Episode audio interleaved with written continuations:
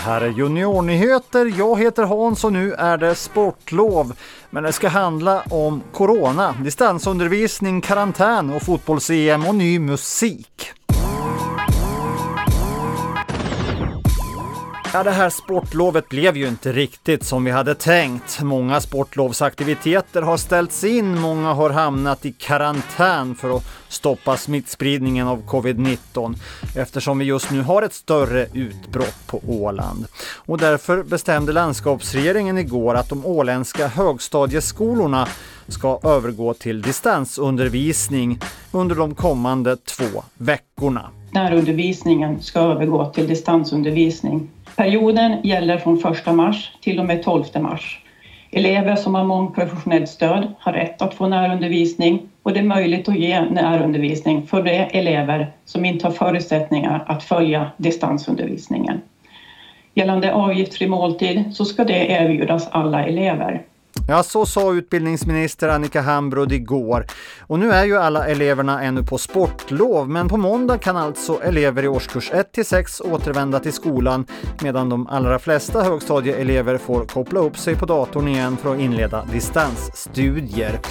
Vi hör landskapsläkare Knut Lönnroth. Vi ser att det är nödvändigt och det beror på en kombination av att vi har den här smittspridningssituationen och det faktum att Eh, Eh, vi har fått indikationer på att det trots allt är ganska många som reser nu under sportlovet och personer kommer att återvända till Åland kanske under helgen och det innebär en ytterligare riskfaktor.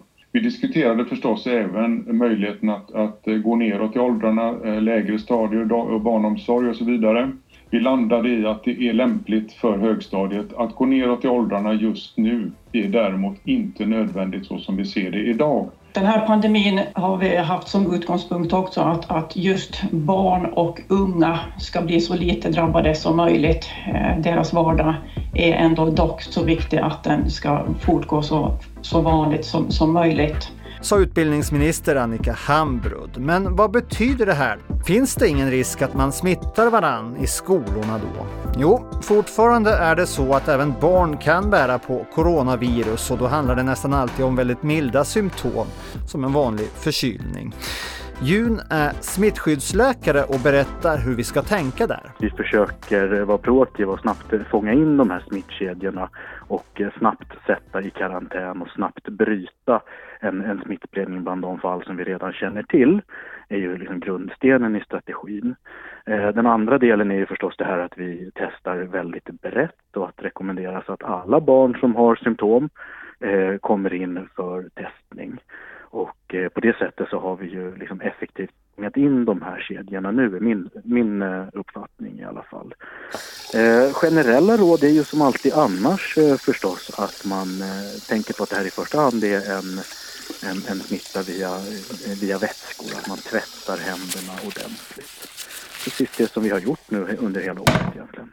Ja, det viktiga är alltså att man testar sig även om man har väldigt milda symptom. Och barn ska inte komma till skolan om de har feber, hosta, halsont, andnöd, muskelvärk, trötthet, snuva, illamående eller diarré.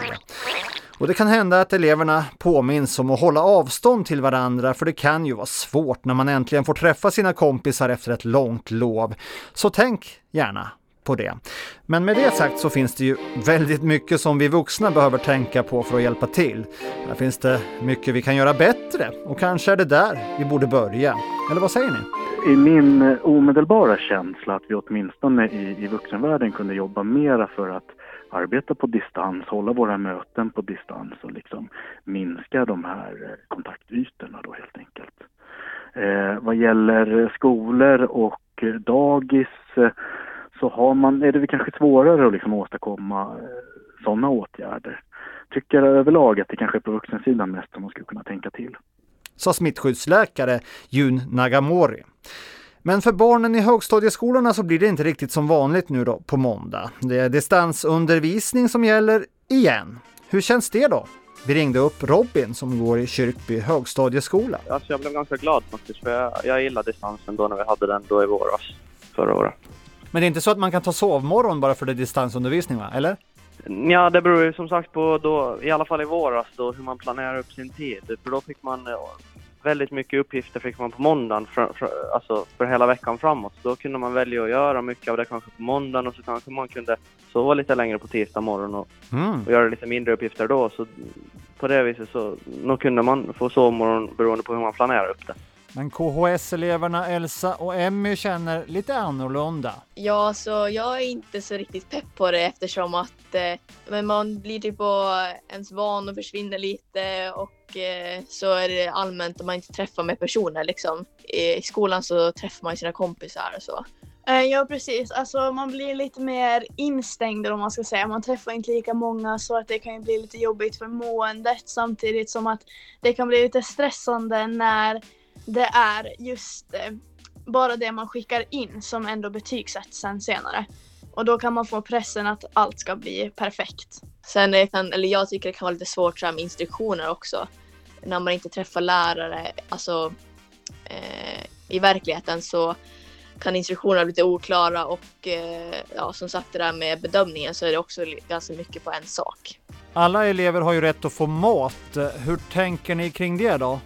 Eh, det har nog inte varit så stort problem för mig i alla fall. Eh, att vara hemma och så. Då lagar man sin egna lunch. Ja, men eh, det är jättebra för de som inte kan liksom har pengarna och allt sånt där.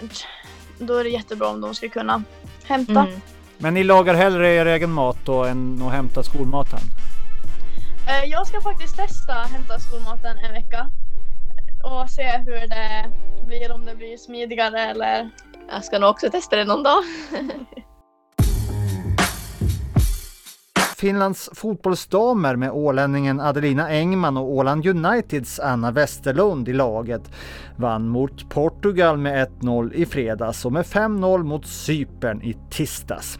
Både Finlands damer och herrar är nu klara för fotbolls-EM. Damernas EM spelas först nästa sommar, 2022.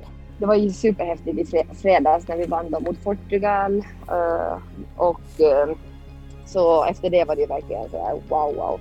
Men sen på något sätt eller laddade vi ändå om till matchen i tisdags. Så, så man har ändå landat någorlunda. Men det känns ju fortfarande helt sjukt att vi faktiskt tog oss till EM. Ja, men du kan väl berätta hur stort är det egentligen att Finlands damer ska få spela EM här nu då? Ja, men klart att det är extremt stort. Eh, vi missade ju det förra gången. Då var vi väldigt nära.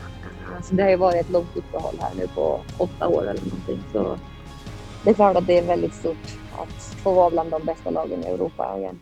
sa Adelina Engman. Och den här veckan så släppte den 20-åriga åländska artisten Faka sin nya singel Hört om mig. Jag är rockstjärna sen dagen i BB Ey, jag vet vad du hört om mig Det är antagligen sant det du hört om mig Har de sagt jag är galen? Har de sagt jag har tröttnat på staden?